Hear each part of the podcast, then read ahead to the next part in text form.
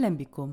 لطالما كانت تصريحات إيلون ماسك على تويتر أو غيرها من منصات التواصل الاجتماعي تثير زوبعة في عالم البيتكوين وفي سوق العملة المشفرة. واليوم نعود في حلقتنا من بودكاست في عشرين دقيقة وإياكم على آخر تصريح مثير للجدل للرئيس التنفيذي لشركة تسلا إيلون ماسك الذي قال يبدو أننا في الشركة سنستأنف قبول البيتكوين على الأرجح. فهل هذا صحيح؟ وكيف ستتغير ملامح عالم البيتكوين والعملة المشفرة بعد هذا التصريح؟ هل يجب أن يفرح رواد سوق العملة الرقمية؟ أم يجب عليهم أن يتريثوا قليلا؟ تابعوا معنا تفاصيل حلقة اليوم من بودكاست في عشرين دقيقة على راديو الآن. أهلا بكم.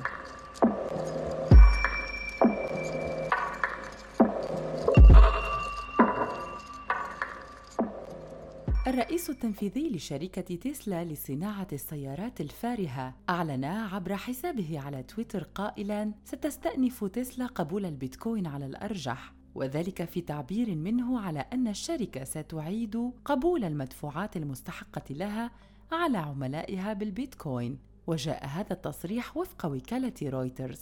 أما تعليقات إيلون ماسك تأتي عقب إعلان تسلا في مايو الماضي أنها ستوقف التعامل بالبيتكوين لقاء مبيعاتها من السيارات نظرا لعدم احترام البيتكوين خاصة في طريقة إصدارها وإنتاجها لسلامة المحيط. ولا يمكن للمضاربين في سوق العملة المشفرة نسيان ذلك التصريح الذي دمر أحلامهم للحصول على مبالغ طائلة مقابل مضاربتهم ومشاركتهم كمستثمرين صغار في سوق العملة المشفرة البيتكوين.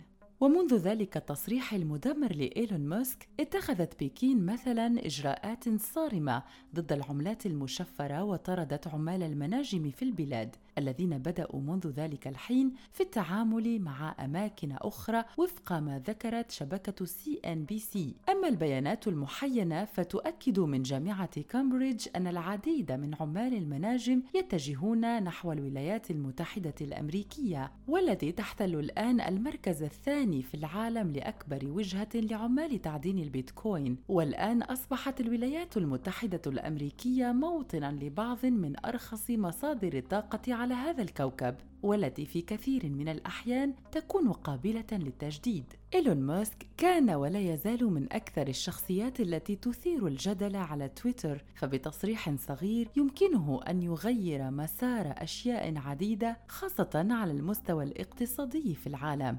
ففي الثالث عشر من جيون الفارط ارتفعت عملة البيتكوين بنسبة 5.1% إلى ما يقدر ب 37360.63 دولارا أمريكي في الساعة السادسة وعشر دقائق بتوقيت غرينتش أي في الساعة الثانية وعشر دقائق مساء بالتوقيت الشرقي. وهذا الارتفاع جاء على إثر تغريدة للرئيس التنفيذي لشركة تسلا إيلون ماسك بأن صانع السيارات الكهربائي تسلا سيستأنف السماح بمعاملات البيتكوين عندما يتم استخدام عمال المناجم للمزيد من الطاقة المتجددة. وقال بالتحديد في تغريدته على تويتر عندما يكون هناك تأكيد على الاستخدام المعقول للطاقة النظيفة بنسبة 50% من قبل عمال المناجم مع اتجاه مستقبلي إيجابي ستستأنف تسلا السماح بمعاملات البيتكوين. في جزيرة بورنيو الماليزية اعتمدت الشرطة الماليزية على طريقة جديدة للتخلص من أكثر من ألف آلة تعدين بيتكوين تمت مصادرتها في مداهمات مختلفة وذلك عبر سحقها بآلات عديدة عملية واسعة النطاق قامت بها الشرطة الماليزية منذ ثلاثة أيام تقريبا حيث اكتشفت في جزيرة بورنيو الآلات التي تقدر قيمتها بنحو 5.3 مليون رينج رينجيت ماليزي أي ما يعادل 1.25 مليون دولار أمريكي. وخلال المداهمات قامت قوات الشرطة بالقبض على ثماني أشخاص وتبين أن جميع المباني المعنية سرقت الطاقة الكهربائية من مزود كهرباء محلي ضخم جدا وذلك بهدف تعدين العملة المشفرة مما أدى إلى خسارة شركة الطاقة 8.4 مليون رينجت ماليزي ما يعادل 1.9 99 مليون دولار أمريكي وهذا بحسب ما تناقلته وسائل الإعلام المحلية الماليزية عن رئيس الشرطة. الشرطة الماليزية عمدت إلى وضع كل آلات التعدين التي تمت مصادرتها والتي يبلغ عددها إجمالياً 1069 آلة في موقف للسيارات يتبع مركز الشرطة في ميري الأسبوع الماضي وقامت بسحقها بواسطة عربة بخارية ضخمة. وقد قامت الشرطة بإدانة ستة من المعتقلين وسجنهم لمدة ستة أشهر مع غرامة مالية من الواجب دفعها. ولمن يتساءل عن عملية تعدين البيتكوين نقول له بأن تعدين العملات المشفرة وهي عملية تقوم من خلالها أجهزة الكمبيوتر بسك عملات افتراضية جديدة والتحقق من صحة معاملاتها، فهذه العملية تتطلب كميات هامة وهائلة جدا من الطاقة وقوة المعالجة. تتضمن العملية عادة عددا كبيرا من أجهزة الكمبيوتر المتطورة التي تشكل منصة بلاتفورم مصممة خصيصا لتدير العمليات الحسابية المعقدة التي يتم طلبها للحفاظ على شبكة العملات المشفرة. ومن المعلوم للجميع بأن الحكومات حول العالم هي من تقرر متى تطبع الأوراق المالية وتوزعها، إلا أن عملة البيتكوين الرقمية لا تسيطر عليها حكومة مركزية تنتمي للدولة، فعملة البيتكوين تعمل كشبكة الند للند للحكومات في مختلف بلدان العالم حيث يتم تعدين البيتكوين. تكون مكونة من مجموعة من الأجهزة التي تتعاون فيما بينها لإنتاج البيتكوين. وبالتالي فإن كل شخص يستخدم البيتكوين يمثل جزءا صغيرا جدا من بنك البيتكوين. وأما تقنيا فالاسم الذي يتم إطلاقه على منتجي العملات الرقمية هو ماينرز.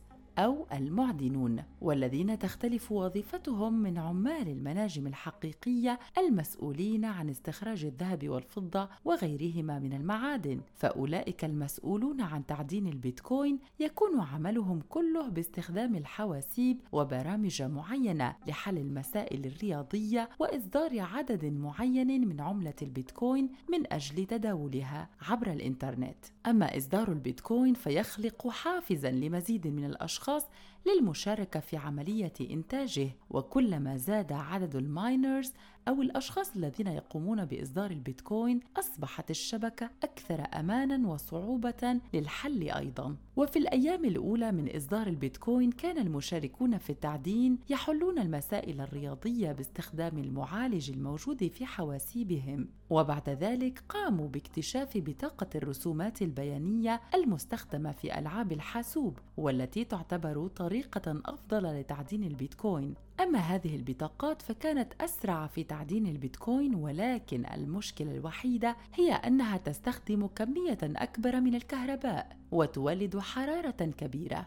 ومن أهم ما تم اختراعه لتسهيل العملية وجعلها أبسط هو تصميم تطبيقات الدوائر المتكاملة آزيك خصيصا لتعدين البيتكوين وقد جعلت تقنية الآزيك عملية التعدين أسرع وأسهل وساعدت على استخدام قدر أقل من الطاقة. ومع تزايد شعبية البيتكوين زاد عدد الأشخاص الذين ينضمون لشبكة البيتكوين من أجل تعدينها. وأصبح الأفراد يواجهون صعوبة أكبر في حل المسائل الوسائل الرياضية ومن أجل التغلب على هذا طور المعدنون طريقة للعمل معا في مجموعات يطلق عليها اسم بولز ودور هذه المجموعات هو إيجاد حلول للمسائل الرياضية أسرع من الأفراد ويتم مكافأة كل فرد من أفراد المجموعة وفقا للمجهود والوقت الذي بذله في التعدين ويحافظ التعدين على بقاء شبكة البيتكوين مستقرة وآمنة. كان هذا فاصلا معلوماتيا صغيرا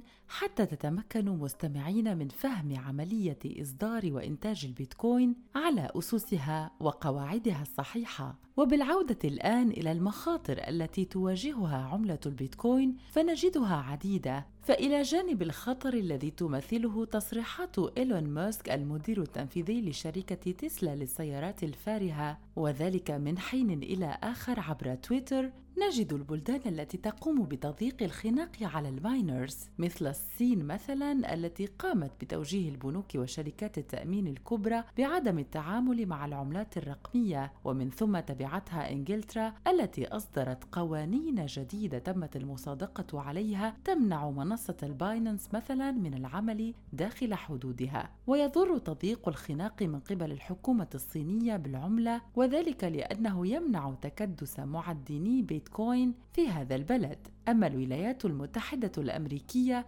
تجد صعوبة في إصدار قوانين العملات الرقمية وتطبيقها بما أنها تحاول عبر وزاراتها وضع هذه القوانين وسنها والسهر على حسن تطبيقها. ولا يجب أن ننسى هنا بأن السلطات الأمريكية في الولايات المتحدة كانت قد حذرت مرارا وتكرارا من التعامل بالعملات الرقمية وإمكانية استخدامها في أعمال مشبوهة تضر بسوق العملة حتى عبر الإنترنت. ومع ذلك فقد سعت إدارة الرئيس الأمريكي السابق دونالد ترامب إلى وضع قوانين تحدد طريقة التعامل بالبيتكوين عبر الإنترنت. كما اختلفت أسعار العملة كثيرا هذا العام حيث صعدت للسعر الخمس وستين ألف دولار أمريكي تقريبا في شهر أبريل الفارط وانخفضت إلى ثمان وعشرين ألفا تقريبا في شهر حزيران يونيو الماضي. وهذا قبل أن ترتفع مجددا إلى الأربع وثلاثين ألف دولار أمريكي. بعض المحللين يقولون بأن عملة البيتكوين تماما مثل الذهب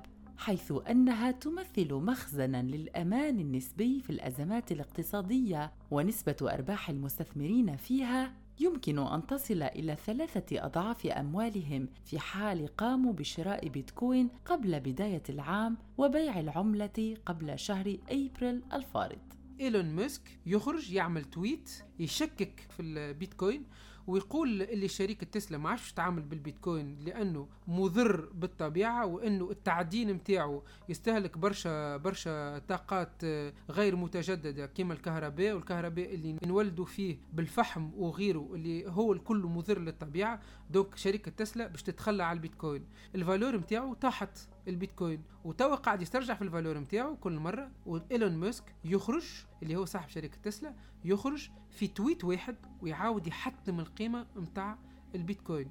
باش نلخص سوق العملات المشفرة سوق حساس جدا ومربوط برشا بال marketing ومربوط برشا بالمشاهير نتاع ميدان العملات الرقمية والمشاريع وغيره كيما إيلون ماسك وغيره. ثم برشا des, des traders معروفين عندهم عندهم influence عندهم تأثير على على العباد اللي تبيع وتشري في في في العملات الرقمية. خاصة العباد اللي اللي اللي حجمها صغير مثلا اللي عندها 20000 دولار 40000 دولار يتأثروا برشا بالمشاهير هذيا ويقولوا اللي السوق مثلا باش يتيح يوليوا يبيعوا آه، يبيعوا بعجلة ويخسروا فلوس.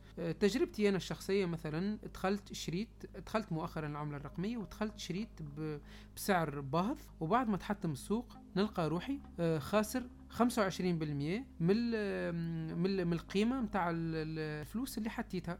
مثلا هذا الكل تحت تأثير إيلون ماسك وغيره السوق تحطم والقيمة الكل طاحت نرجع لتجربتي أنا. أنا دخلت نتسمى دخلت متأخر لسوق العملة الرقمية. دخلت أنا البيتكوين غالي ستين ألف دولار. آه، كل ما يبدأ en fait آه، فما آه، برشا أنواع نتاع عملات رقمية. فما les altcoins اللي هما العملات الرقمية اللي آه يستعملوا في في, في الخلاص في les paiements في ال payment donc les altcoins هذاما كيما أدا كيما كاردانو كيما ماتيك XRP العملات العملات هذاما معروفين برشا والقيمة نتاعهم محفوظة. معناها فما برشا تداولات بهم. donc ثم آه ثم minimum نتاع القيمه نتاعهم محفوظة. وفما عملات رقمية اسمهم les shitcoins هذاما ما همش متداولين في حتى مشروع وما عندهمش آه، قيمة تماما. ولكن نرجع لنفس المفهوم اللي كنت نفسر فيه آه كل ما يكثر حجم التداول ولو هما ما عندهم حتى قيمة. إذا كانت تصير لهم آه بروباغندا باهية ماركتينغ باهي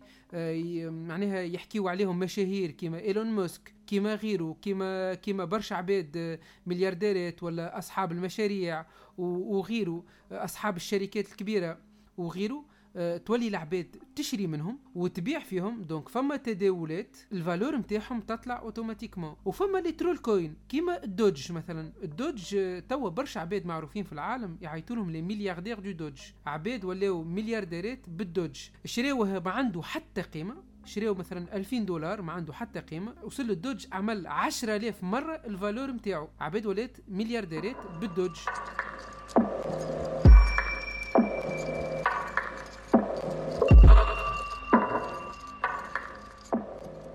وبالعودة على نقطة التعدين ومدى علاقتها بالحفاظ على البيئة نجد مثلا بلدان شمال أوروبا التي تشتهر بالتعدين المستدام الصديق للبيئة حيث تنخفض بشدة تكلفة إنتاج الكهرباء وبالتالي ينخفض سعرها فإنتاجها يتم بشكل أساسي من مصادر متجددة لا غير. وتعتبر عملة البيتكوين من أكثر المواد استهلاكًا للكهرباء، فاعتمادًا على تقدير مبدئي، الطاقة العالمية المطلوبة لتعدين العملة المشفرة الأكثر نجاحًا تتراوح بين 67 و 121 تيراوات في الساعة في السنة. وهذا الرقم يمثل نصف ما تستهلكه جميع مراكز البيانات للإنترنت والحوسبة السحابية والقطاع المالي بأكمله وجميع العملات المشفرة الأخرى. وللمقارنة وكي نوضح لكم الصورة أكثر مستمعين يكفي معرفة أن إجمالي استهلاك الطاقة السنوي في ألمانيا مثلا يبلغ ما يزيد قليلا عن 500 تيراوات في الساعة.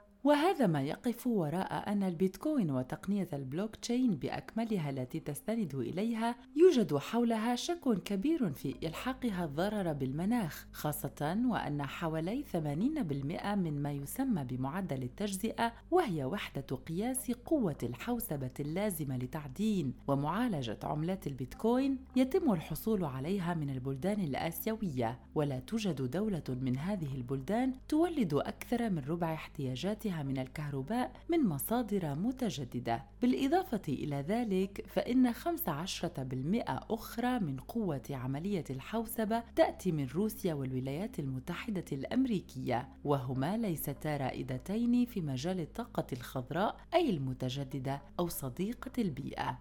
ولهذا السبب بالذات يعد تعدين البيتكوين داخل الدول الإسكندنافية طريقة صديقة جدا للبيئة وذلك للخروج من هذه المعضلة ومن مشكلة التعامل بالبيتكوين أو مواصلة التعامل به من عدمها. أيسلندا مثلا كانت واحدة من الدول الرائدة في هذا المجال وذلك وفقا لمؤسسة البلوك تشين الأيسلندية. فقد تم تعدين 8% من جميع عملات البيتكوين هناك. وباستخدام الطاقة الحرارية الأرضية والطاقة الكهرومائية تولد الشركة المملوكة للدولة وشركات الطاقة الأخرى ما يقرب من 100% من كهرباء أيسلندا بطريقة خضراء. أما بالحديث عن التكلفة فتعتبر الطاقة الكهرومائية المنتجة بهذه الوسائل المستدامة رخيصة للغاية حتى أن حديثا دار لسنوات عن مد كوابل تحت البحر للمملكة المتحدة حتى تصل إليها الطاقة الخضراء من أوروبا حيث تكون الكهرباء باهظة الثمن. وبدلا من هذا قررت الأطراف المعنية والتي تهتم بهذا الملف جلب الصناعات التي تستهلك الكثير من الطاقة إلى الجزيرة بما في ذلك أفران صهر الألومنيوم وصناعة البلوك تشين الطاقة المتجددة متوفرة بكميات هامة وكبيرة في الدول الإسكندنافية، حتى أن بعض الدول بالكاد تعرف ماذا تفعل بكل هذه الطاقة المتوفرة. أولان يوهان بوتنين وهو محلل الطاقة والباحث الاقتصادي في مجلة فوليو إنسايت النرويجية قال بأن المنطقة الإسكندنافية خاصة شمالها يتمتع بفائض متوقع من الطاقة يقارب 30 تراوات بالساعة سنويا وذلك في ظل الظروف الجوية المتوسطة. ويبدو أن تواجد هذه الطريقة لتعدين البيتكوين هو الذي يكمن وراء تغريدات إيلون ماسك الجديدة والتي اكتسبت حلة مختلفة بدا فيها إيلون ماسك واثقا جدا من أنه لن يشوه صورته بما أنه قد وعد حرفاءه مؤخرا برغبته في الحفاظ على البيئة خاصة الطاقات الغير متجددة. ولذلك فإنه أكد في آخر تغريداته بأنه مستعد تمام الاستعداد لإعادة التعامل مع حرفائه ومن يقتنون سياراته الفارهة من تسلا مستعد لقبول البيتكوين عليهم لقاء شراء سياراته. والسؤال الذي من فك يطرحه المستثمرون صغارا كانوا أم كبارا في سوق العملة المشفرة هو هل فعلا ستكون هذه التصريحات صادقة؟ وهل سيكون إيلون ماسك من جديد هو الدافع وراء ارتفاع قيمة البيتكوين من جديد هذه المرة؟ أم أنها حيلة جديدة من حيله لا يمكن فهمها إلى حين رؤية نتائجها؟ ننتظر آراءكم في الموضوع مستمعين وتعليقاتكم أسفل حلقة اليوم من بودكاست في عشرين دقيقة على راديو الآن. شكرا لكم على المتابعة وإلى اللقاء.